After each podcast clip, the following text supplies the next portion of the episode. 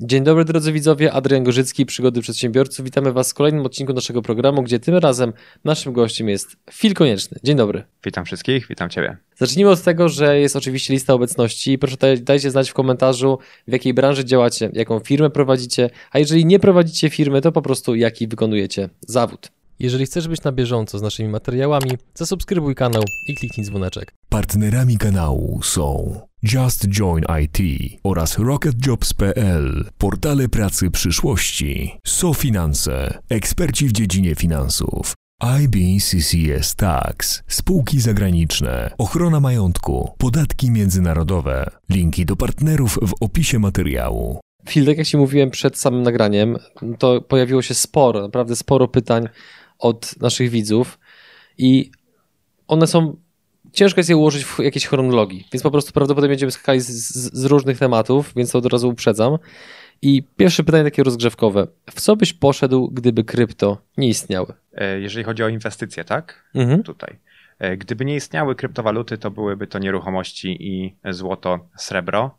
Jeżeli miałbym mniej pieniędzy, to starałbym się skakać e, ze srebra na złoto, czyli wykorzystywałbym tutaj parytet srebra do złota, gold-silver ratio, które w tej chwili jeszcze jest opłacalne dla osób, które chcą kupować srebro, by zakumulować więcej e, złota. E, no i poszedłbym w branżę nieruchomości. Jak mhm. najbardziej nieruchomości. To zresztą był mój pierwszy plan, gdy wyjeżdżałem do Wielkiej Brytanii. Mój plan był taki, że będę tam mieszkać 15 lat, pracować, kupię sobie 4-5 kawalerek pod wynajem, posiłkując się także jeszcze wspierając kredytami. E, czyli zrobię to powiedzmy na, na, na dźwigni kredytowej i wrócę do Polski, będę sobie żył na jakimś mhm. takim normalnym, e, normalnym poziomie, mm, bo nie wyobrażam sobie, krótko mówiąc, pracy do 65 roku życia. Mhm. Tam jest to niewyobrażalne, nie chciałbym tak żyć. E, no a że pojawiły się po drodze kryptowaluty, no to przyspieszyły powiedzmy ten, ten, ten poziom emerytalny. Jak ty patrzysz na nieruchomości w kontekście tego, co się teraz dzieje na rynku? Wzrost cen materiałów i tym podobne. Jest to dla ciebie jakoś niepokojące, czy raczej patrzysz totalnie długoterminowo i uważasz, że to nie jest jakiś wielki problem? Jeżeli ktoś mnie ogląda od, od, od jakiegoś czasu, to zapewne wie, że to nie jest zaskoczenie. Ja już o tym mówiłem, jak tylko pojawiła się sytuacja z lockdownami i dodrukiem e, pieniądza. E, lockdown, lockdowny powodują to, że mamy e, zatrzymanie tak naprawdę tego łańcucha dostaw, a firmy, które upadają, przyczyniają się do tego, że te łańcuchy dostaw się zrywają i tego nie da się odbudować. Nie, nie można zrobić czegoś takiego, że nagle rządy mówią, no to otwieramy gospodarkę i firmy, które upadły się otworzą. Te firmy już się nie otworzą i potrzeba czasu, żeby e, łańcuchy dostaw ponownie e, zaczęły funkcjonować. E, do tego czasu będziemy mieli braki, do tego czasu będziemy mieli droższe produkty, droższe materiały, ogólnie droższe wszystko. E, dłuższy czas oczekiwania.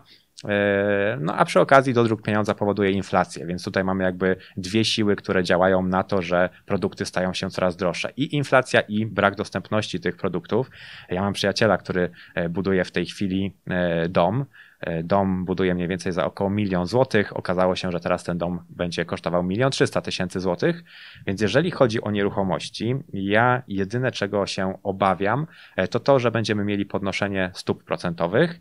Jeżeli tak się stanie, niby tutaj jest zakładane, że ma to, ma to się nie wydarzyć w tym roku. No ale nikt nic nie, e, nie mówią rządzący o kolejnych latach. Jeżeli coś takiego się wydarzy, e, podejrzewam, że będziemy mieli wysyp bardzo dużej ilości niedokończonych domów. E, I wtedy możemy mieć spadek cen e, nieruchomości nominalny, chwilowy mhm. przynajmniej, bo ludzie nie będą chcieli budować nowych domów, tylko będą chcieli dokańczać te, które zakupią od osób, którym się nie udało. No bo jeżeli na przykład chcemy wybudować dom za pół miliona złotych, bierzemy kredyt na pół miliona złotych, a nagle się okazuje, że ten dom nie będzie kosztował pół miliona, tylko 600 tysięcy albo 650 tysięcy, no to o ile nie dobierzemy kredytu lub bank, jeżeli nam nie da tego kredytu, no to mamy problem. I teraz, jeżeli dojdą do tego wyższe stopy procentowe, no to potencjalnie mamy nieskończony dom, nie mamy pieniędzy na skończenie tego domu, a i rata kredytu jest wyższa niż zakładaliśmy, mhm. więc spodziewam się wtedy, e, że będziemy mieli wysyp e, no, dosyć dużej ilości niedokończonych domów. To a propos takich trudności gospodarczych, to kolejne pytanie.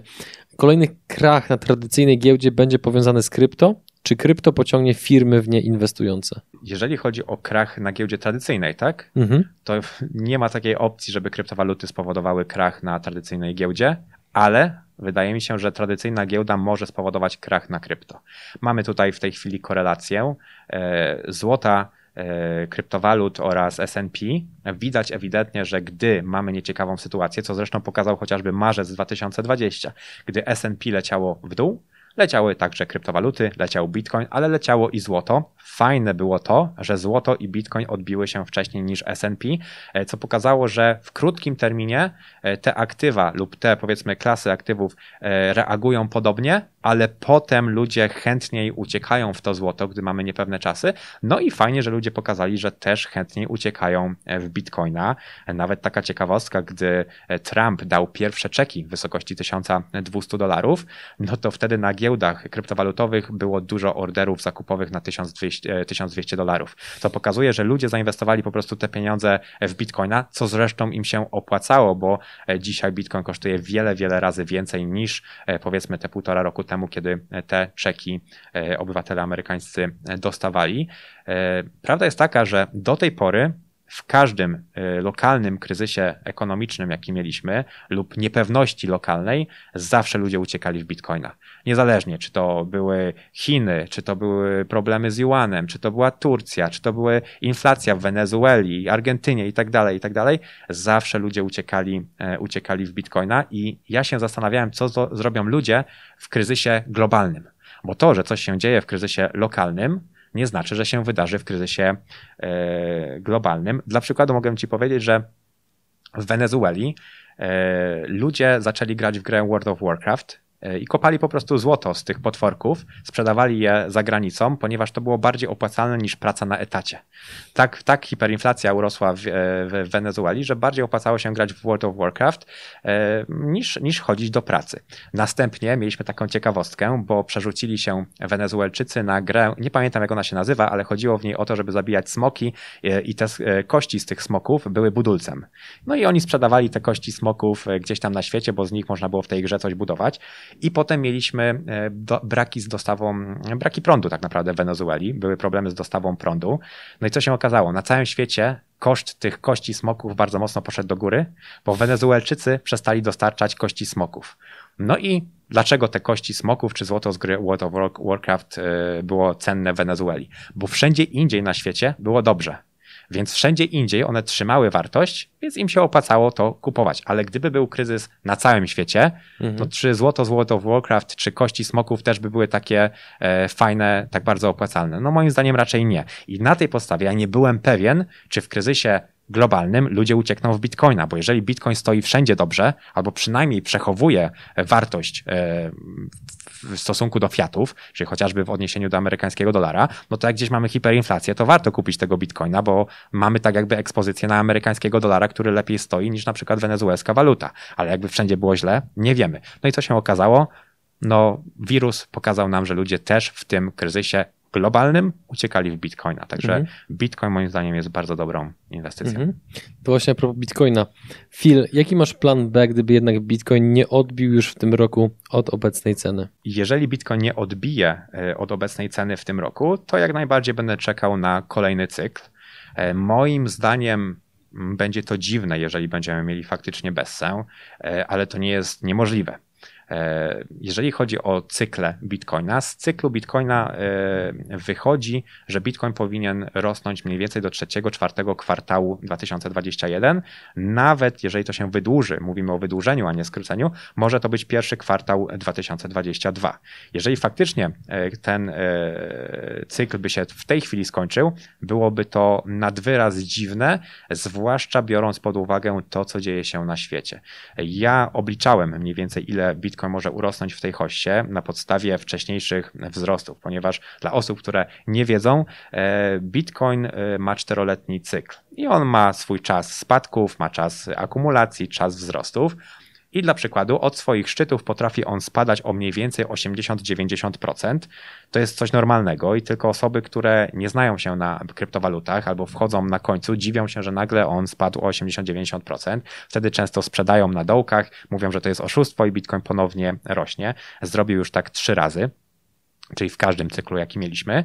E, no i tak też udało mi się trafić ten dołek Bitcoina, mniej więcej na poziomie 3000 dolarów. Zresztą nagrywałem na ten temat filmy, nazywają się Dołek Bitcoina na moim kanale, także możecie go e, znaleźć. I na tej podstawie postarałem się obliczyć, ile mniej więcej Bitcoin może urosnąć w tej hoście, w tym cyklu i wyszło mi, że od 60 do 90 tysięcy dolarów. Czyli teoretycznie powinienem powiedzieć, a miałem rację, Bitcoin urósł do 64 tysięcy dolarów, trafiłem mniej więcej ten przedział, hossa się kończy. Ale tak wcale nie uważam, ponieważ ja to obliczałem mniej więcej w roku 2019, ale nie wziąłem pod uwagę po pierwsze inflacji, ogromnego dodruku pieniędzy oraz wejścia instytucji finansowych, które weszły. E, dla przykładu, w tej chwili grube ryby, czyli portfele, które trzymają od 100 bitcoinów do 10 tysięcy bitcoinów i to tylko i wyłącznie na jednym adresie, czyli osoby, które trzymają od kilkunastu milionów złotych w bitcoinie na jednym adresie do ponad miliarda złotych, kupowały bitcoina po cenie 40-50 tysięcy dolarów, czyli też są stratne e, i te osoby nie sprzedają swoich bitcoinów, Mało tego, akumulują swoje bit e, kolejne bitcoiny e, i te osoby trzymają 8 z 18 milionów bitcoinów, które do tej pory zostały wydobyte. No i teoretycznie to wcale nie musi oznaczać, że będziemy mieli kolejne cykle. No ale patrząc na podstawie efektu sieciowego w Bitcoinie, biorąc pod uwagę to, że mamy e, wymianę pokoleń, czyli co roku dochodzi nowe pokolenie, które jest zapoznane z technologią i może inwestować w kryptowaluty, oraz biorąc pod uwagę to, że te grube ryby posiadają znaczną część Bitcoina, kupioną dosyć drogo jak na obecne ceny, no moim zdaniem istnieje duża szansa, że jak nie w tym cyklu, Bitcoin urośnie w następnym, a więc odpowiadając na Twoje pytanie, mhm. w najgorszym wypadku będzie on kosztował wielokrotnie więcej za 3 lata. Takie pytanie być może trochę bardziej pesymistyczne w kontekście Bitcoina. Czy technicznie jest możliwe całkowite zbanowanie Bitcoina na całym świecie przez rządy? Jest możliwe, jeżeli całe, wszystkie rządy na całym świecie się na to zdecydują no ale jak na razie nic na to nie wskazuje. No, biorąc pod uwagę to, co dzieje się na świecie, to raczej państwa na całym świecie idą e, w kierunku regulacji Bitcoina. Czy Bitcoin jest tym, czym miał być? Nie. Czy ja uważam, że będzie pieniądzem światowym? Nie, nie uważam. Czy uważam, że rządy pozwolą na to, żeby Bitcoin e, stał się jakimś nowym systemem monetarnym? Nie, nie pozwolą na to. E, nie mamy się co łudzić, ale czy zostanie zdelegalizowany? Też raczej nie, ponieważ już zaczyna on być traktowany jakby nowa klasa aktywów, e, nowy typ inwestycji. I biorąc pod uwagę to, że chociażby w takich Stanach Zjednoczonych to korporacje sponsorują polityków, sponsorują ich kampanie, a potem politycy robią to, co te korporacje mhm. Chcą, E, nic na to nie wskazuje, bo chociażby na poziomach 40, 50, 60 tysięcy dolarów za bitcoina takie firmy jak Visa dołączały do świata kryptowalut, Mastercard, PayPal zaczął e, świadczyć usługi związane z kryptowalutami, największe amerykańskie banki zaczęły świadczyć usługi związane z kryptowalutami swoim klientom. E, takie rzeczy raczej nie dzieją się, gdy, gdy, gdy coś ma się zakończyć. Jeżeli oni wchodzą, to nie po to, żeby stracić i nie po to, żeby ten rynek miał upaść. Więc moim zdaniem to będzie po prostu rynek, gdzie będzie można inwestować, mocno uregulowany. Na pewno będziemy szli w kierunku jak najmniejszej anonimowości, ale nie wydaje mi się, by został on zdelegalizowany, a poza tym chociażby takie Stany Zjednoczone, Chiny, one mają mhm. moc tylko w obrębie swojej jurysdykcji, więc póki istnieje chociażby jeden kraj, który na to pozwala, póki istnieje Darknet, e, no Bitcoina mm, będzie można używać. Czy będzie on kosztować dużo czy też mało, no to wszystko zależy od tego, ile państw pójdzie w stronę delegalizacji, a ile w stronę pełnej legalizacji, no ale jak na razie wszystko wskazuje na to, że po prostu będzie to aktywo inwestycyjne. Placki ziemniaczane z cukrem czy na słono? E, z cukrem. Jak najbardziej z cukrem. Ale bez tej śmietany i w ogóle bez, bez, bez, tego wszystkiego, tylko z cukrem. Co sądzisz o nowym projekcie Roberta Gryna, Meta Hero? Słyszałem tylko o nim. E, nic o nim nie wiem, poza tym, że będzie skanował jakby, jakby ludzi i tyle może. Mhm. Nie chcę się wypowiadać, bo nie chcę. Dużo Jasne. ludzi też nadinterpretuje to, co ja mówię. Nie wiem nic o tym projekcie, poza tym, że będzie jakby skanował mhm. ludzi, wkładał ich w gry, czy też robił awatary.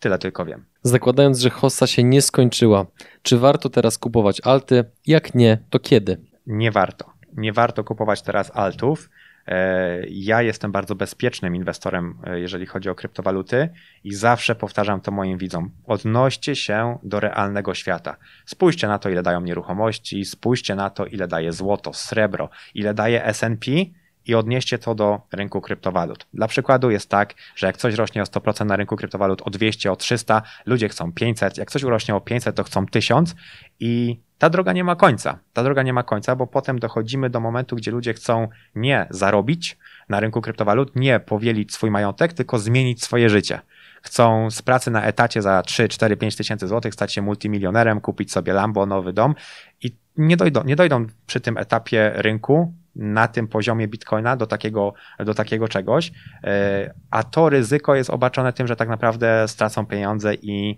e, na tym rynku nie zarobią, będą dawcami kapitału. Ja staram się odnosić do realnego świata, e, realizować zyski i pokazywać to ludziom, żeby po prostu te, te zyski realizowali i staram się grać bezpiecznie. No i teraz, w jakim my jesteśmy etapie rynku? Krótko mówiąc, albo w górę, albo w dół. No i część osób może pomyśleć, kurczę, przyszedł koleś i mówi albo w górę, albo w dół. Ale tak, no albo w górę, albo w dół. Nie mam szklanej kuli. Inwestorzy grają na prawdopodobieństwo. Składziemy tam pieniądze, gdzie uważamy, że jest większe bezpieczeństwo oraz prawdopodobieństwo. Więc w tej chwili w jakim jesteśmy etapie? Albo będzie koniec hossy, albo będziemy mieli dalszą hossę. No i teraz jak możemy to rozegrać? No bo nie wiemy, w którą stronę grube ryby sobie zagrają. Bo gdybym ja był grubą rybą, chętnie bym poczekał do kolejnej hossy. Po pierwsze, będę mógł zakumulować więcej bitcoinów, czy też na przykład Ethereum, które jest nieco mm, bardziej ryzykowne, ale też da potencjalnie zarobić nieco więcej. E, mogę poczekać 3 lata, bo nawet jeżeli ja kupię bitcoina jako gruba ryba za 100 milionów złotych dzisiaj przy cenie 35 tysięcy dolarów, to nawet gdyby bitcoin nie urósł do 100 tysięcy dolarów w tym cyklu, tak jak było zapowiadane, tylko w następnym za 3 lata, to ja i tak mam 3 razy więcej pieniędzy, czyli zarabiam 100% rocznie przez następne 3 lata. Więc co tyle da zarobić? Więc jako gruba ryba ja bym chętnie poczekał. Mało tego, Glassnode, czyli dane on-chain, które ja analizuję, nie wskazują na to, by cykl miał się zakończyć. Więc gdyby, ryby, gdyby grube ryby zakończyły ten cykl, pokazałyby, że Glassnode nie działa. Więc rozbiłyby całkowicie analityków na kolejną hossę. Nikt by nie wierzył w Glassnode'a, nikt by nie patrzył na Glassnode'a, że o, teraz możemy wychodzić, teraz możemy wchodzić, więc też by dały dużo zamieszania. Więc gdybym mhm. ja był grubą rybą, mi by jak najbardziej zależało na tym, żeby, e, żeby e, ten, ta hossa się zakończyła i żeby zarobić na następnej sobie zakumulować bitcoiny. Ale z drugiej strony, też czemu nie zarobić i na, tym, na tej hoście do 100 tysięcy, wyjść i wejść ponownie. Dlatego, jeżeli my nie wiemy, co zrobią grube ryby, no to możemy zakładać, że jest 50-50. No i teraz jak rozegrać to, żeby było bezpiecznie? No w najgorszym wypadku, jeżeli Bitcoin nie urośnie w tym cyklu, tylko w następnym do takich poziomów, no to co się może wydarzyć? No w najgorszym wypadku zarobię, ale mniej. Więc ja wolę zarobić, ale mniej za 3 lata, kupując teraz Bitcoina lub ewentualnie Bitcoina z Ethereum 70-30, bardziej ryzykownie 50-50, na przykład wchodząc 50-50 i w najgorszym wypadku ja zarobię mniej za 3 lata, niż wchodzić teraz w altcoiny i stawiać na 50-50 albo będzie hossa i zarobię, albo nie będzie hossy i wszystko stracę, bo altcoiny mhm. mają to do siebie, że w beście tracą więcej niż bitcoin. Więc jak na razie nie. Altcoiny nie teraz. Teraz mhm. ja, jeżeli bym wchodził, jeżeli bym był nowym e, inwestorem, oczywiście to nie jest porada inwestycyjna, ale gdybym był nowy, zapakowałbym się w bitcoina, w najgorszym wypadku zarobię za 3 lata, jeżeli mhm. będzie powtórzenie cyklu. Wywołałeś temat Ethereum, więc pytanie, jakie predykcje dla Ethereum do końca roku? Pod koniec czerwca miał być lekki przełom, a jest niemrawo. Jeżeli chodzi o Ethereum, no to też wszystko zależy od e, Bitcoina. No, nie ma tutaj co się e, dziwić. Bitcoin dyktuje, czy rynek idzie w górę, czy, czy też nie. Jak Bitcoin idzie w górę, to idą także altcoiny. Altcoiny rosną więcej niż E, Bitcoin, więc póki nie będziemy mieli wzrostów Bitcoina, to nie ma co się spodziewać, że e, nagle Ethereum będzie bardzo mocno rosnąć. Jeszcze nie mamy tego odłączenia się rynku. E, w przypadku Ethereum dla mnie jest to nieco ryzykowniejsza inwestycja niż Bitcoin, ale potencjał, z nieco większym potencjałem. Biorąc pod uwagę to, co się teraz dzieje na Ethereum, E, mamy chociażby wprowadzanie tak zwanego EIP 1559. To jest implementacja, która spowoduje, że jeżeli będziemy mieli odpowiednią ilość transakcji na Ethereum, to jego system, będziemy mieli powiedzmy system deflacyjny w Ethereum, więc będzie go coraz mniej. Biorąc pod uwagę to, że będziemy mieli coraz więcej smart kontraktów, coraz więcej e, transakcji, e, no Ethereum może okazać się procentowo o wiele zyskowniejszą inwestycją niż Bitcoin, tylko też pytanie, czy w tym jeszcze cyklu, jeżeli będą wzrosty, czy następnym. Ryzyko, jakie Mhm. jest w przypadku Ethereum, to, że chociażby wprowadzenie tak zwanego Ethereum 2.0, przejście na Proof of Stake e, nie będzie pomyślne, czyli chociaż będą jakieś bugi w kodzie, będą problemy, coś się wysypie, wtedy nawet i można stracić wszystko, jeżeli całkowicie Ethereum się rozwali. Więc e, tak jak powiedziałem, nieco większe ryzyko, ale potencjał też e, nieco, nieco większy niż w przypadku Bitcoina. Mhm. Co sądzisz o kryptowalucie Chia? Chia. E, Znam projekt, nie robiłem pełnego researchu, do tego nie będę się wypowiadał, bo no zauważyłem, że często coś tam sobie palnę o jakiejś kryptowalucie na zasadzie, no podoba mi się e, i ludzie po prostu się pakują, bo konieczny to powiedział. Mam teraz taką zasadę, że dopóki nie poświęcę dwóch tygodni na zrobienie researchu i nie przeczytam wszystkiego o tym projekcie, e, się nie wypowiadam. Także Okej. ten projekt znam, Mhm. nie uważam, by był zły, ale nie mówię, że jest e, godny inwestycji, bo jeszcze nie zrobiłem researchu. Co uważa o Cardano? Mówi się, że jest to najnowocześniejsze i lepsze Ethereum. takich nowych, lepszych Ethereum, nawet Ethereum Killer jest wiele e, i było ich wiele w roku 2017. E, Cardano według mnie jest numer dwa, jeżeli chodzi o platformę do smart kontraktów e, i dAppsów. Jeżeli nie uda się Ethereum, jeżeli Ethereum będzie miało problemy z kodem, jeżeli coś tam pójdzie nie tak, Cardano ma szansę wejść na miejsce Ethereum. Natomiast jeżeli uda się Ethereum, jeżeli nie będzie problemów, nie wydaje mi się, by tak było. E, Na rynku kryptowalut, jak i ogólnie w świecie mamy taką tendencję, że jest jeden lider, może jaka, jakieś dwie, trzy kopie i tyle. Mamy powiedzmy Facebooka, ale była jeszcze nasza klasa i powiedzmy jakieś tam e, inne platformy. Mamy YouTube'a, mamy kilka mniejszych, ale zawsze jest ten YouTube, Facebook i tak dalej, i tak dalej. E, I tak samo jest w przypadku rynku kryptowalut. Jeżeli chodzi o smart kontrakty i dApps, jest Ethereum, jest kilku takich pretendentów, można powiedzieć, że kopie, e, ale wydaje mi się, że póki ten główny nie wygra, no mieliśmy wyjątek z MySpace'em, który tam no, Facebook z nim wygrał, ale e, powiedzmy, póki, póki nie zrobi czegoś złego Ethereum, to nawet wydaje mi się, że są e, inwestorzy, a nawet i deweloperzy w stanie poczekać na rozwój Ethereum, niż Mhm. przejść na takie Cardano. Jak najbardziej wydaje mi się, że to dobra inwestycja, jeżeli będzie hossa.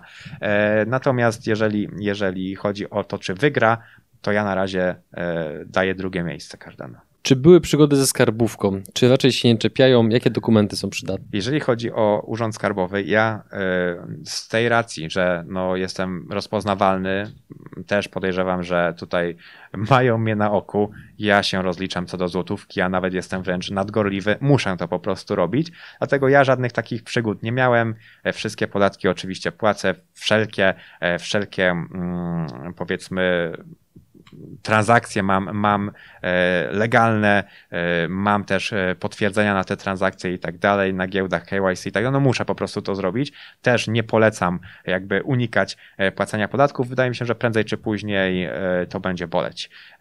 Big data bardzo mocno się rozwija. Myślę, że prędzej czy później rządy będą chciały dostawać dane od giełd, no i potem możemy, możemy mieć problemu. Dlatego ja uważam, że podatki są za wysokie, uważam, że nie powinny takie być, e, zwłaszcza jeżeli ryzykujemy nasze ciężko zarobione pieniądze. E, Jak nam nie wyjdzie taka inwestycja, nikt nam nie oddaje pieniędzy, więc uważam, że troszeczkę te podatki są za wysokie jak na inwestycje, e, ale no, ja, ja problemów nie miałem i raczej mieć nie będę, no z tego względu, że no, rozliczam się i wszystko płacę. Mhm. Także. Ale, ale polecam się po prostu rozliczać, bo szkoda, szkoda zarobić na rynku, a potem to oddać w ramach kary. Jak będzie wyglądał twój exit plan z krypto? Czy wychodzisz do fiatów? Co dalej z nimi robisz w bezsie? Mój exit plan. y, Ja już wyszedłem 20% z rynku kryptowalut. E, Początkowo, wracając do tych obliczeń moich, czyli ile Bitcoin może urosnąć, e, mi wyszło, że Bitcoin powinien urosnąć między 60 a 90 tysięcy dolarów. Ja sobie z tego, bo to było pięć różnych obliczeń, wyciągnąłem średnią 75 tysięcy dolarów i ustawiłem poziom wyjścia 45, 50, 55, 60, 65, 70 tysięcy dolarów. E, i i 75, tam w każdym razie 7 partii i 3, 3 partie, czyli po 10% każda partia. Zostawiłem sobie na wypadek, gdyby faktycznie Bitcoin urósł więcej, gdyby był wielki hype, żeby sprzedać je na wyższych poziomach, bo te 30% na wyższych poziomach będzie więcej warte niż e, 70% sprzedane wcześniej. E, Z tego względu, że e, mieliśmy inflację, dodruk pieniądza, wejście instytucji, które nie były Mhm. uwzględniane e, w, w, w te moje obliczenia, bo no, wcześniejsze wzrosty bitcoina były powodowane tak zwaną ulicą, czyli powiedzmy tymi, tymi normalnymi inwestorami, a nie już instytucjami. E, na, te, na, na, na, tej podstawie podniosłem swoje poziomy wyjścia mniej więcej o 10-15 tysięcy dolarów, tak sobie założyłem, e, bo nie wiedziałem jak obliczyć e, spadek siły nabywczej pieniądza i wejście instytucji na wpływ ceny bitcoina. Jest wzór, którym można mhm. obliczyć dodruk pieniądza i jak on wpłynie na inflację, ale jeżeli nie znamy, gdzie te pieniądze dokładnie idą, to nie da się tego obliczyć, więc podciągnąłem sobie to pi razy drzwi o 10-15 tysięcy dolarów i ja już wyszedłem pierwszą partią moich kryptowalut po 10% wszystkiego, 10% Bitcoin, 10% alty przy 55 tysiącach dolarów i 10% wyszedłem przy 60 tysiącach dolarów i wychodziłbym kolejnymi 10% przy 65, no ale Bitcoin urósł do 64 800, więc brakło mi tych 200 dolarów. No i plan mam taki, że mam swoje pieniądze w stablecoinach, te stablecoiny wypłacam do fiatów, jeżeli mam jakieś inwestycje. Czyli jeżeli kupuję nieruchomości, e, złoto, e, powiedzmy no srebro już nie tak dużo, no bo ile tego srebra można kupić, ale powiedzmy złoto, nieruchomości, to wtedy wychodzę do, do fiatów, a jeżeli nie, to będę miał mm, te stablecoiny powiedzmy użyję do tego, by zarabiać na nich. Czyli w Bessie, jeżeli będzie faktycznie Bessa, mam zamiar y, robić staking oraz farming na tych stablecoinach. Mhm. Mam pięć różnych stablecoinów, żeby bardziej dywersyfikować.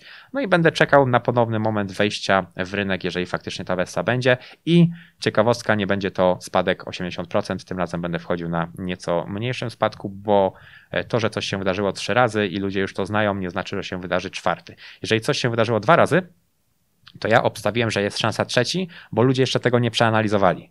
Ale jak już ludzie przeanalizowali, że coś się wydarzyło trzy razy, wydaje mi się, że dużo osób będzie stawiało na czwartą taką taką powtórkę i ja chcę być przed nimi, bo wiem, że będą e, ludzie, którzy mhm. są cwani i będą chcieli e, wchodzić wcześniej, zanim ten rynek spadnie i podejrzewam, że może taki spadek po prostu nie nastąpić. Tu pozostając w temacie strategii inwestycyjnych, jakimi strategiami potępiasz, jeżeli chodzi o inwestowanie w krypto, bądź patrząc szerzej ogólnie? Oj, potępiasz to jest za e, ciężkie słowo. Ja e, uważam, że każdy jest dorosły na tym rynku. E, każdy ma swój rozum i każdy niech sobie inwestuje tak jak chce. Koniec końców rynek zweryfikuje ludzi i ja się nigdy z nikim nie kłócę. Często na przykład ja uważam, że jakiś projekt jest nieciekawy, a potem ludzie piszą, nie, nie masz racji, on jest ciekawy i tak dalej. Ja się nigdy nie kłócę, no bo ani ta osoba nie wie, ani ja. To jest moje zdanie kontra zdanie drugiej osoby. Rynek koniec końców zweryfikuje, czy ten projekt urośnie, e, czy też nie. E, tak zresztą było w przypadku e, kryptowaluty Dascoin, kiedy się tam odezwałem, że moim zdaniem to jest no nieciekawy projekt, nie jest open source, po co w takie coś inwestować, skoro on nie jest, nie jest, nie ma otwartego kodu źródłowego, nie jesteśmy w stanie zweryfikować, no i ci fani Dascoina mi pisali, że o, Dascoin wygra z Bitcoinem, będzie coraz lepszy, bla, bla, bla. No i się myli. Podobnie było z e, kryptowalutą Experti, polskim projektem, gdzie mi się ekonomia nie podoba. Pomysł fajny, wszystko fajne, tylko ekonomia tam nie działa i powiedziałem, że ekonomia nie działa. Też oczywiście wszyscy, że nie mam racji, projekt, projekt też e, no, no, no, no nieciekawie potem się e, jakoś tam zachował, jeżeli chodzi o pod kątem inwestycyjnym. Także ja nikogo nie neguję, każdy ma swoją, swoją głowę. E, natomiast no, widzę wiele błędów, które popełniają nowi inwestorzy. Za dużo inwestują, e, patrzą przez pryzmat tego, ile nie zarobili, a mogli zarobić. E, ja też w tej hoście, bo ja ogólnie opieram się bardzo mocno na psychologii. Ja uważam, że pierwsza jest psychologia, potem, potem jest matematyka, czyli też dane on-chain opieram o psychologię, czyli też biorę pod uwagę to, że dane on-chain nie do końca mogą działać tak, jak działały wcześniej, bo wcześniej, gdy nie istniały, to to, że te wykresy to pokazują, wcale nie znaczy, że teraz będzie tak działało, bo jeżeli mhm. inwestorzy teraz wiedzą o danych on-chain, to mogą na tej podstawie reagować i na przykład e, nie będziemy mieli wybicia szczyt, szczytów z tego względu, że wszyscy będą czekali na te szczyty i będą sprzedawali przed wybiciem, więc ja biorę pod uwagę bardzo mocno psychologię e, w rynku i w tej hoście postanowiłem mieć kontakt z tymi nowymi inwestorami, żeby jeszcze bardziej moją strategię dopracować na kolejne hossy. No i widziałem takie błędy. Widziałem błędy w stylu zainwestował ktoś 10 tysięcy złotych, e, bo to były pieniądze, które jest w stanie stracić, a potem nagle się zrobiło 30 tysięcy z tych pieniędzy i on żałował. E, to była moja wina, bo to akurat jest mój znajomy. Pozdrawiam cię, e, na pewno będzie oglądał. I żałował, jakby czułem, że ma do mnie pretensje, że nie zainwestował 50 tysięcy, czyli wszystkich pieniędzy, jakie posiada, no bo przecież jakby zainwestował 50, to by miał teraz 150, a tak przeze mnie ma tylko 30 z tych 10.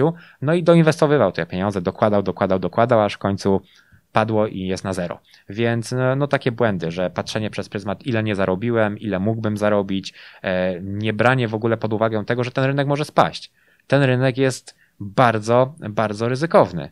E, I, I to, że mamy takie zyski, to jest obarczone wielkim ryzykiem, więc nie wolno inwestować więcej niż 5-10% swoich oszczędności e, w ten rynek. To jest fajna dźwignia, fajnie daje zarobić. Jeżeli dobrze wejdziemy i na przykład zrobimy pięciokrotny zysk, na takiej hoście, no to inwestując 10%, robimy 50% tego, co udało nam się odłożyć przez całe nasze życie. I powinniśmy się cieszyć, bo nic tyle nie da zarobić. Ale nie wkładamy w to 100%, żeby nagle mieć 5 razy więcej pieniędzy, bo co jeżeli włożymy w te w 100% naszych oszczędności i się okaże, że to jest 60 tysięcy dolarów i koniec hossy. Więc dużo ludzi, ludzi popełnia różne błędy. Ja tego nie potępiam. Każdy ma mhm. swój rozum ale no jest, jest wiele takich błędów. Dzięki, że jesteś z nami i oglądasz nasze filmy. Chcielibyśmy przekazać Ci krótką informację. Przygody przedsiębiorców to nie tylko wywiady. Na co dzień zajmujemy się przede wszystkim wideomarketingiem na YouTube. Jeśli chcesz, aby Twoja firma zaczęła generować lidy z platformy, która zrzesza ponad 20 milionów użytkowników w samej Polsce, to wejdź na przygody.tv i sprawdź, jak możesz z naszą pomocą skorzystać z potencjału YouTube'a,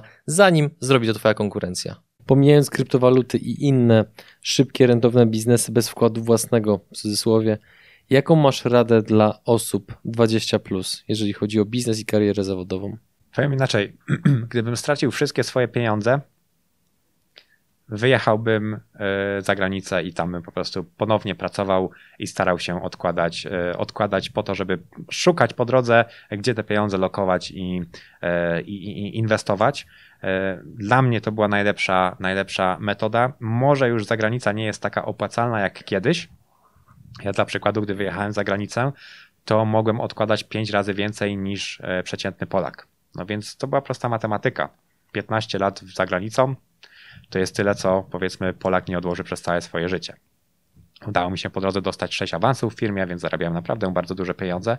Doszedłem do poziomu około 3,5 tysiąca funtów na miesiąc. Byłem w stanie bez problemu odkładać 2-2,5 tysiąca funtów miesięcznie jako już e, główny menadżer e, całej, całej firmy mhm. zajmującej się logistyką.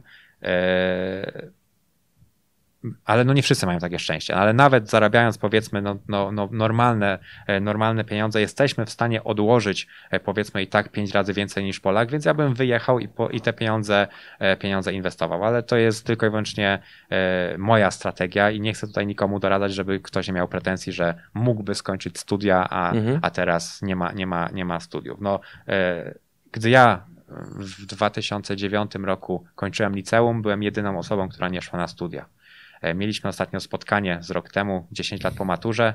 E, okazało się, że dużo osób nie skończyło studiów, dużo osób żałuje, że poszła w ogóle na studia, e, no ale czas zmarnowany już, już, już tego się nie wróci. Mhm. Także jednak ta decyzja wyjazdu i postawienia na odkładanie no, była dobra. Ja w ogóle ten akurat tę część twojej wypowiedzi już słyszałem między innymi w wywiadzie z Kubą Midelem. Co tak, pomimo, że tam było bardzo wiele ciekawych informacji, to mnie to akurat ten fragment poruszył szczególnie, bo akurat ja miałem na tyle szczęścia, że praktycznie już na drugim roku studiów bodajże już uruchomiłem swoją pierwszą firmę, która tam całkiem się, jak na tamten etap, rozwinęła do dobrego rozmiaru, ale gdybym nie szedł w biznes i, mógł, i miałbym jeszcze raz tyle lat, to prawdopodobnie skorzystałbym z Twojej rady, bo Ty to tak jasno i klarownie wyłożyłeś, że to jest było po prostu tak logiczne pod kątem takim Excelowym, że sobie myślisz, no to, to się po prostu spina.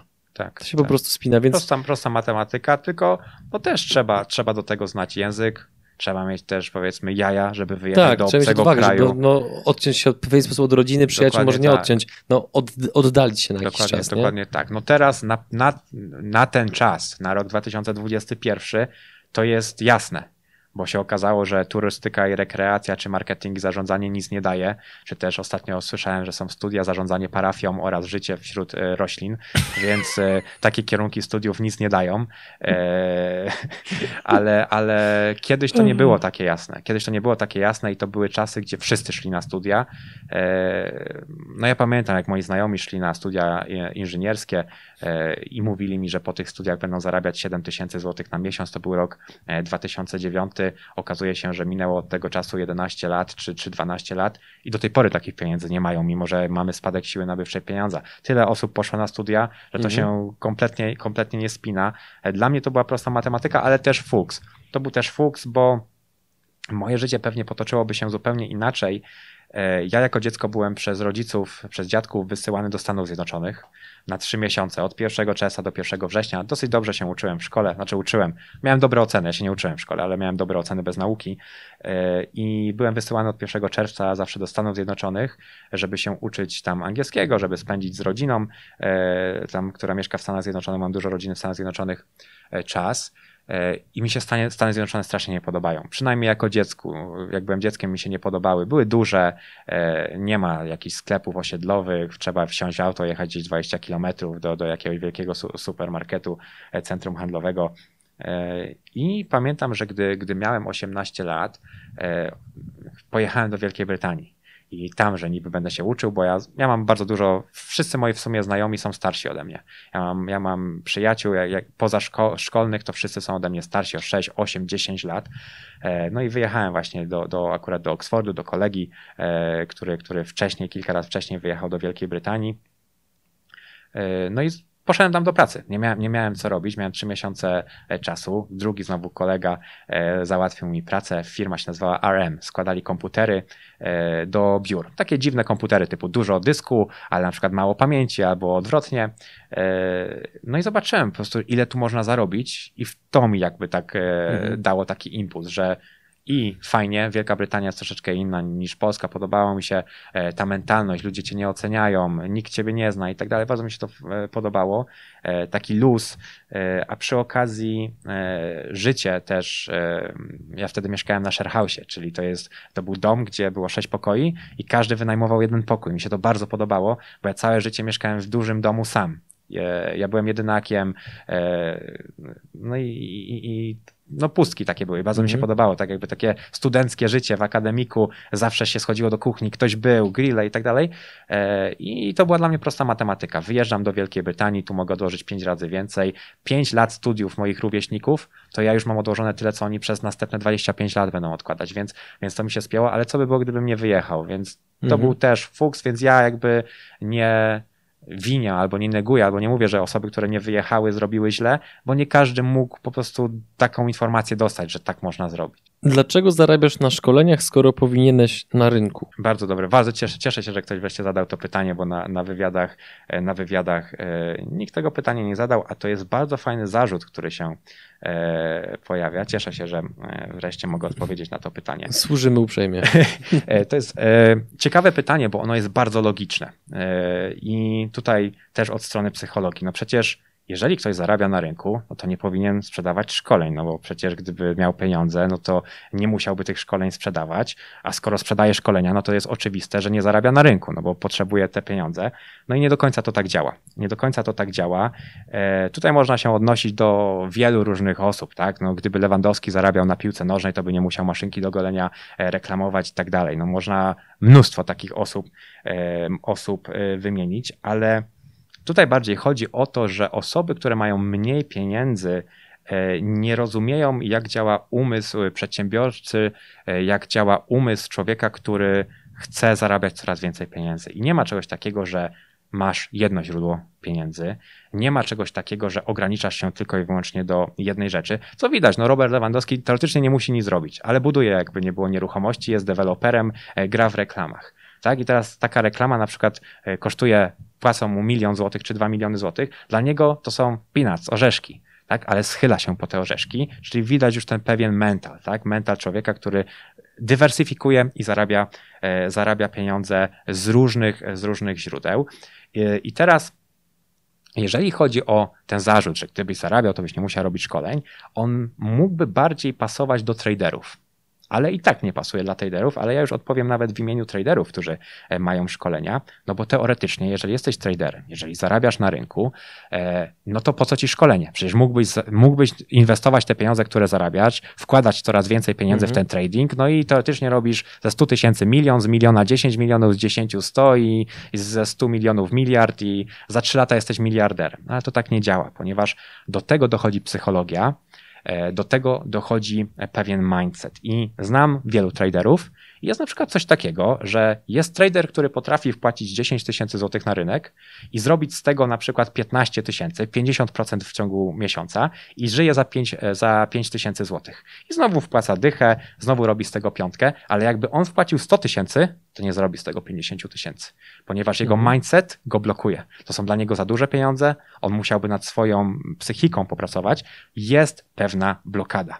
Eee, mało tego, dla przykładu, E, patrząc na, na, od strony traderów, czy wyobrażamy sobie coś takiego, że może być człowiek, który wie wszystko, przeczytał wszystkie książki tradingowe, ma 100% wiedzy, jest świetnym nauczycielem, świetnie przekazuje wiedzę, ale nie ma psychiki. Czy taka osoba może uczyć? świetnie przekaże wiedzę, wie wszystko, ale nie ma psychiki, nie potrafi włożyć 100 tysięcy i zrobić z tego 150 tysięcy, ale może być świetnym traderem. Więc tutaj odnosząc się do traderów, mhm. ale jeżeli teraz chodzi o mnie, troszeczkę mniej to już pasuje, e, e, taka, taka, taki zarzut, ponieważ jestem inwestorem długoterminowym. Czyli co ja robię? Kupuję bitcoina, kupuję Ethereum, kupuję jakieś altcoiny i czekam. I teraz ja nie mam szklanej kuli, ja nie wiem, czy ten rynek na pewno urośnie. Ja nie mam takiej pewności. Ja patrzę na efekt sieciowy, ja patrzę na to, czy ludzie wchodzą do tego rynku, ja patrzę na wymianę pokoleń, biorę pod uwagę dane on-chain, biorę pod uwagę to, co robią grube ryby, ale ja nie mam pewności, że ja na pewno na tym rynku zarobię, bo gdybym wiedział, to bym wziął kredyty wszędzie, gdzie można, sprzedałbym swoją nerkę, też bym zainwestował i bym miał jeszcze więcej pieniędzy. Więc czym są dla mnie szkolenia? Po pierwsze, to jest spełnienie się od roli e, ze strony, ze strony nauczyciela. Bardzo lubię edukować, co zresztą widać po moim kanale. Po drugie, jest to dla mnie dodatkowa dywersyfikacja po trzecie, szkolenia wbrew pozorom powodują, że ja zarabiam jeszcze więcej na moich inwestycjach, ponieważ ja mogę trzymać dłużej moje kryptowaluty. Bo ja wiem, że jeżeli ja zrobię na przykład takie szkolenie, przekażę wiedzę, to ja mam zarobione pieniądze na tym rynku tak czy siak. A więc nawet gdyby ten rynek upadł, ja wyciągam z tego rynku pieniądze za pomocą dodatkowej dywersyfikacji. Czy ja mam na przykład trójpodział mojego portfolio, mam portfolio długoterminowe, mam portfolio pod hossę, mam portfolio zbudowane ze stablecoinów, ale mam też szkolenia. I wiem, że nawet jeżeli wszystko by upadło, ja i tak zarobię na tych szkoleniach, zarobię na przekazywaniu wiedzy. I ktoś teraz może powiedzieć, no ale to ty zarobisz na szkoleniach, ale wszyscy stracą. Czyli jak tak można? Przecież to jest niemoralne, tak? Ale nikt nie wie, czy ten rynek upadnie, a każdy jest dorosły. I teraz ludzie dzielą się na dwie grupy. Ludzi, którzy chcą się uczyć samemu, na swoich błędach i ludzi, którzy chcą dostać wiedzę w pigułce, nauczyć się szybciej. I jako dorosły człowiek, ty decydujesz, czy ty chcesz uczyć się od kogoś, kto już przez to przeszedł, dowiedzieć się czegoś szybciej, czy chcesz samemu? I ty też zakładasz, czy według ciebie ten rynek upadnie. No teoretycznie można taki zarzut dać też giełdom. No przecież giełdy powinny oddać wszystkim pieniądze, no bo jak ten rynek upadnie, no to one też nie powinny zarobić. Albo odnieść się nawet do ubezpieczeń kupujesz ubezpieczenie zdrowotne i okazuje się, że po roku nie umarłeś. Idziesz do ubezpieczenia i mówisz, proszę pana, ale chciałbym te pieniądze z powrotem, bo jednak nie wykorzystałem, zakładamy coś. Więc e, bardzo fajnie mi osobiście szkolenia pomagają e, w tym, żeby jeszcze więcej zarabiać, bo dla przykładu, gdyby na przykład nie te szkolenia, ja wychodziłbym przy 45, 50, 55 tysiącach dolarów za bitcoina, ale wiedząc, że ja mam pieniądze, mam bezpieczeństwo, mam spokój psychiczny, Dodatkowo, e, dodatkowo mogłem poczekać, czyli powiedzmy jestem poniekąd sprzedawcą łopat. Mówi się, że w gorączce złota e, zarobili najwięcej sprzedawcy łopat i to się mówi w Polsce w bardzo jakby takim złym kontekście. Tak. tak, że o sprzedawcy e, łopat, ale ja i kopię i mam swoją fabrykę, fabrykę, fabrykę łopat, ale każdy decyduje, czy chce kopać to złoto rękami samemu, czy chce wykorzystać na przykład moją łopatę. Dla przykładu mhm. mogę powiedzieć, że moja strategia pod hostem, która jest przekazana w moim szkoleniu, dała zarobić maksymalnie 45 razy w ciągu jednego roku strategia trzymania, akumulacji bitcoina, następnie przejścia w altcoiny. Te altcoiny od 17 grudnia, ja zresztą będę robił podsumowania, jak już będzie Bessa, jak to wyglądało, żeby też e, pokazać, pokazać tym wszystkim e, osobom, które były, były temu przeciwne, bo część osób mówiła, że to nie ma sensu, lepiej samemu inwestować. To portfolio od 17 grudnia do maja urosło 15 razy. W tej chwili, mimo spadków, w dalszym ciągu jest na pięciokrotnym plusie. Przy tej strategii, czyli e, procencie składanym, to jest w dalszym ciągu 15x, bo na Bitcoinie się zrobiło razy 3, plus ta strategia razy 5, 3 razy 5 to jest 15 mhm. razy. No więc e, tak to wygląda. E, no i tyle.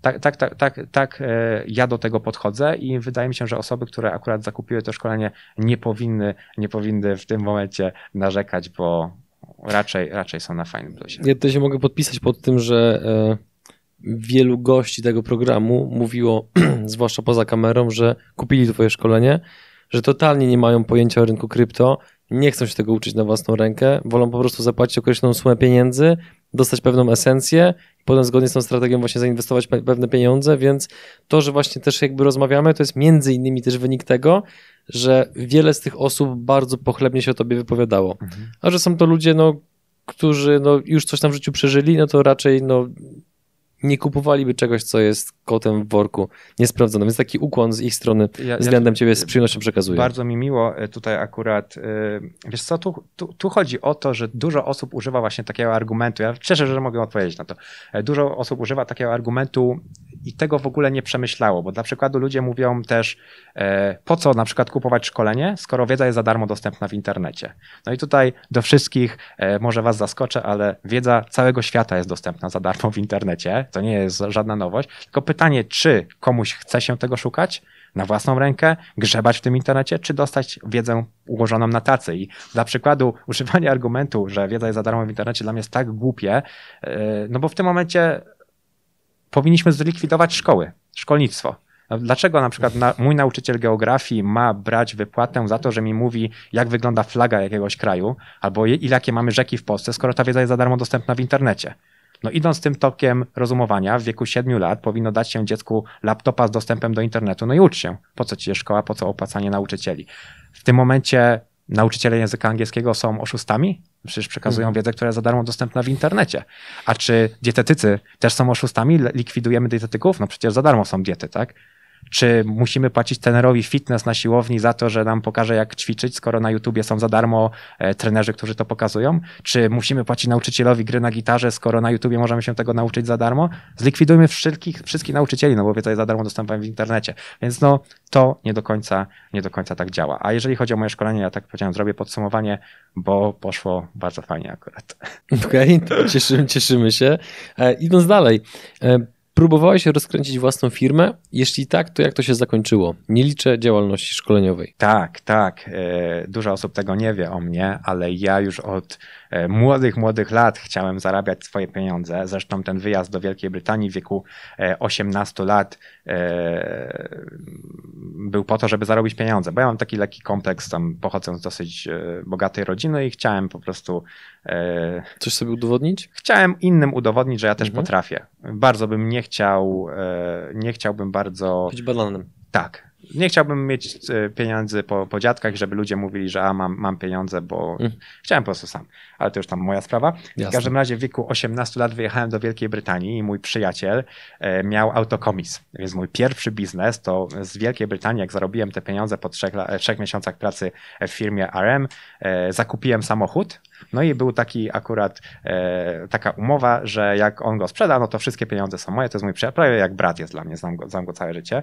Pamiętam, że kupiliśmy czerwonego Hyundai'a Accenta i skubany przez cały rok nie chciał się sprzedać, a już w głowie liczyłem, że teraz sprzedam jego, kupię jeszcze droższy i będę tak zamieniał, zamieniał, zamieniał na coraz droższe. Przez, przez pamiętam 10 miesięcy nie chciał się sprzedać. Na koniec on mi wysyłał już pieniądze do Wielkiej Brytanii, jak ja już tam mieszkałem. Także no, wyszedłem tam na e, powiedzmy lekki plus ale to nieznaczny wręcz grosze. Po tych 10 miesiącach i pamiętam, że on był jeszcze czerwony, ten, ten, ten Hyundai. On powiedział, że czerwone najgorzej schodzą w ogóle i od tej pory nienawidzę czerwonych samochodów. W Wielkiej Brytanii e, kilka biznesów także e, próbowałem. E, chociażby w tej firmie logistycznej, w której pracowałem, e, jeszcze byłem na takim etapie, gdzie zajmowałem się logistyką od strony już wewnętrznej, czyli gdzie jaka rzecz, produkt ma iść, ale dzięki temu miałem także dostęp do cen produktów i zakupu tych produktów w Chinach. E, I tam znalazłem tak zwane patio brush, możecie sobie wpisać, to jest taka szczotka, która wygląda jak irokes i ona jest do czyszczenia e, kostki brukowej e, z chwastów na ogródku. Ja zobaczyłem, że tam ta firma zakupuje te szczotki po cenie chyba 4 funty za sztukę, sprzedają ją za 16, no i mówię, kurczę, no przecież mogę w Polsce takie szczotki produkować. Wybrałem jeszcze lepsze drewno, lepszy drut, jeszcze jakiś nierdzewny i w ogóle super, jeszcze z takim trójkątem, żeby to, e, no, zrobiłem super wersję i wyszło, że ona będzie kosztowała jednego funta i jeszcze na tym zarobię 50 centów, czyli e, 2,5 złotego było, ja bym to sprzedała za 5 złotych, mam 100% przebitki, a ta firma kupowała 50 tysięcy szczotek tygodniowo na całą Wielką Brytanię, więc to były kosmiczne pieniądze. Biznes idealny. E, no i zamówiłem pierwszą partię tych szczotek, 50 szczotek, e, żeby pokazać. Umówiłem się na spotkanie, e, żeby zaprezentować tę szczotkę. Szczotka super, fajna, lepsza, tańsza, czterokrotnie, a i, tak lepsza. No i się dowiedziałem, że nie będzie biznesu, ponieważ akurat tą, te, tamte szczotki sprzedawała firma Spear Jackson i firma, która ma z nimi podpisany kontrakt, po pierwsze nie może zerwać umowy, a po drugie mają tak, że coś im się mniej opłaca, część bardziej, a oni zamawiają wiele różnych produktów i zostałem z 50 szczotkami własnej produkcji które rozdawałem znajomym potem, żeby sobie ogródki e, sprzątali. E, potem miałem kolejny biznes, e, chciałem roz, rozkręcić biznes z hot dogami. Takie budki, powiedzmy, z hot dogami, ale chciałem w Wielkiej Brytanii robić nie jedną, nie, że ja będę stał i sprzedawał hot dogi, tylko po prostu zrobić sieć takich budek, ale naprawdę dobre hot dogi, polska piekarnia, polska bułka, żeby to był taki konkret, taka powiedzmy klasa premium hot dogów. I ten biznes bardzo fajnie e, akurat e, poszedł, ale potem Wielka Brytania niestety ma takie prawo, że jak ci za dobrze idzie, to ci zamykają biznes, bo ani nie możesz blisko McDonalda tego postawić, ani KFC i tak dalej, więc trzeba było tam walczyć o miejsca i tak dalej, i tak dalej. Ja to też robiłem po godzinach poza e, moją, moją pracą. Jest tak, że to jest absurd kompletny, bo oni ci potem badają, jakie są kolejki do tej budki. Jak są za duże kolejki do budki, za dobrze ci idzie, to znaczy, że blokujesz chodnik, no i w tym momencie ci przenoszą budkę gdzie indziej, no bo nie możesz blokować chodnika, więc ten biznes został e, powiedzmy sprzedany za nie, nie, nie, niewielkie pieniądze. To gdzie jest ten klimat sprzyjający przedsiębiorcom to w Wielkiej Brytanii? Tam jest porażka, tam jest, no korporacje rządzą, więc, więc tutaj też całkowicie mm, to e, olałem. E, no w międzyczasie oczywiście zarabiałem, też pracowałem na dwie prace, też miałem pracę weekendową, odkładałem, inwestowałem. E, no i miałem też stronę internetową ogłoszeniową, to o tym Ci mówiłem przed wywiadem, mhm. E, która upadła, bo konieczny nie wiedział, że nazwę trzeba zastrzec i ktoś, to był po mnie, a miał podobną nazwę, wyciął mnie w taki sposób, że nazwę mi po prostu zabrał po czasie i, i nie chciało mi się już sądzić, a zmiana nazwy to też jest SEO, odnowa pozycjonowanie innej domeny mhm. i tak dalej. Kompletnie to było dla mnie nieopłacalne. Także kilka biznesów miałem.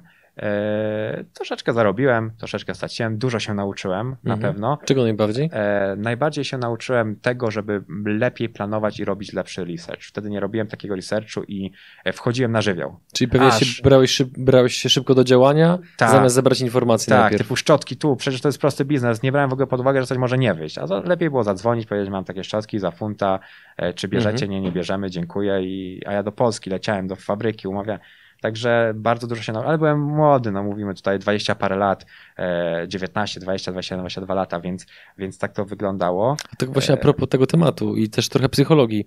Czy to według ciebie nie jest trochę tak, że kiedy e, osoba jeszcze o małym doświadczeniu ma pewien pomysł na biznes, to po pierwsze boi się, że za chwilę ktoś ten pomysł, pomysł jej ukradnie, albo że za chwilę ktoś ją wyprzedzi, więc zamiast właśnie zebrać od groma informacji, które potem pozwalają podjąć odpowiednią decyzję, to rzuca się wir działania, bo wszyscy mówią o tym, że praktyka, praktyka, praktyka, a niekoniecznie teoria, no ale potem właśnie zderzasz się z, z, pewnym uwarunkowaniem rynku, którym ty powiedziałeś, że pewne okoliczności powodują, że pomimo, że oni wiedzą, że na tym w pewien sposób tracą, to absolutnie im to nie przeszkadza. Jest, jest tak. E, w, moj, w moim przypadku to było, nie bałem się bardziej, tylko jestem taki, że jak coś już miałem, to, to e, le, lecimy z tematem. E, teraz jestem bezpieczniejszy, robię, robię większy research. No i po tych kilku biznesach, po tych kilku biznesach przeszedłem już całkowicie w inwestycje.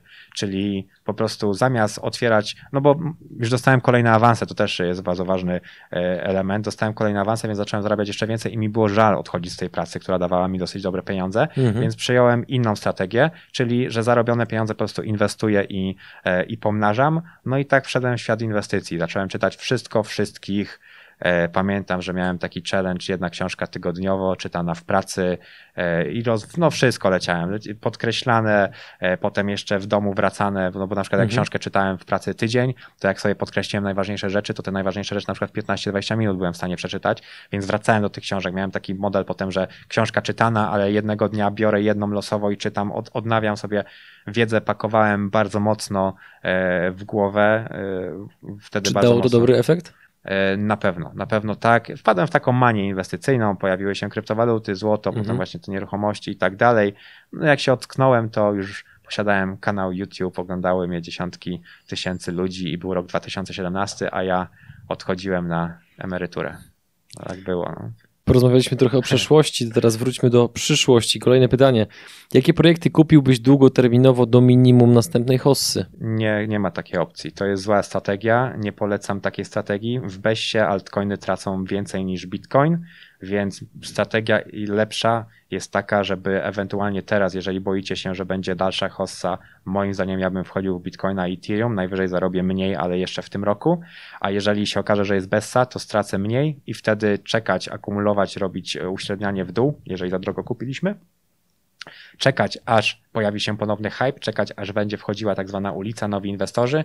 Oni mają psychologicznie tendencję do tego, że uznają, że Bitcoin jest za drogi, więc kupują alty. My musimy być chwilę przed nimi, czyli przed tym hypem. Ja na przykład zastosowałem taką strategię, że przy 21 tysiącach dolarów e, zacząłem przechodzić w altcoiny i, i, mówić właśnie moim kursantom, żeby wchodzili w te altcoiny. Dlaczego? Bo przy 20 był szczyt po, poprzedni Bitcoina. Czyli to był etap, gdzie wszyscy zaczęli trąbić, że Bitcoin przekroczył swój szczyt, czyli że już wycięliśmy tych naj, naj, naj ostatnich, powiedzmy, pesymistów, którzy mówili, że dojdzie znowu do 20 i spadnie, bo tak to byli wcześniejsi, którzy mówili, że nigdy nie dojdzie do 20, potem byli tacy, że jak dojdzie do 20, to spadnie, ale jak przebił 20, no to już nie było argumentu. No więc e, wszyscy zaczynają trąbić o tym, że Bitcoin zaczyna rosnąć, więc nowi wchodzą i chwilę później nowi uznają, że już nie mają szansy zarobić na Bitcoinie. No, bo jak Bitcoin kosztuje 20 tysięcy i nawet urośnie na 100 tysięcy, to ja zarobię tylko 5 razy, bo dla takiego człowieka tylko 5 razy to jest mało.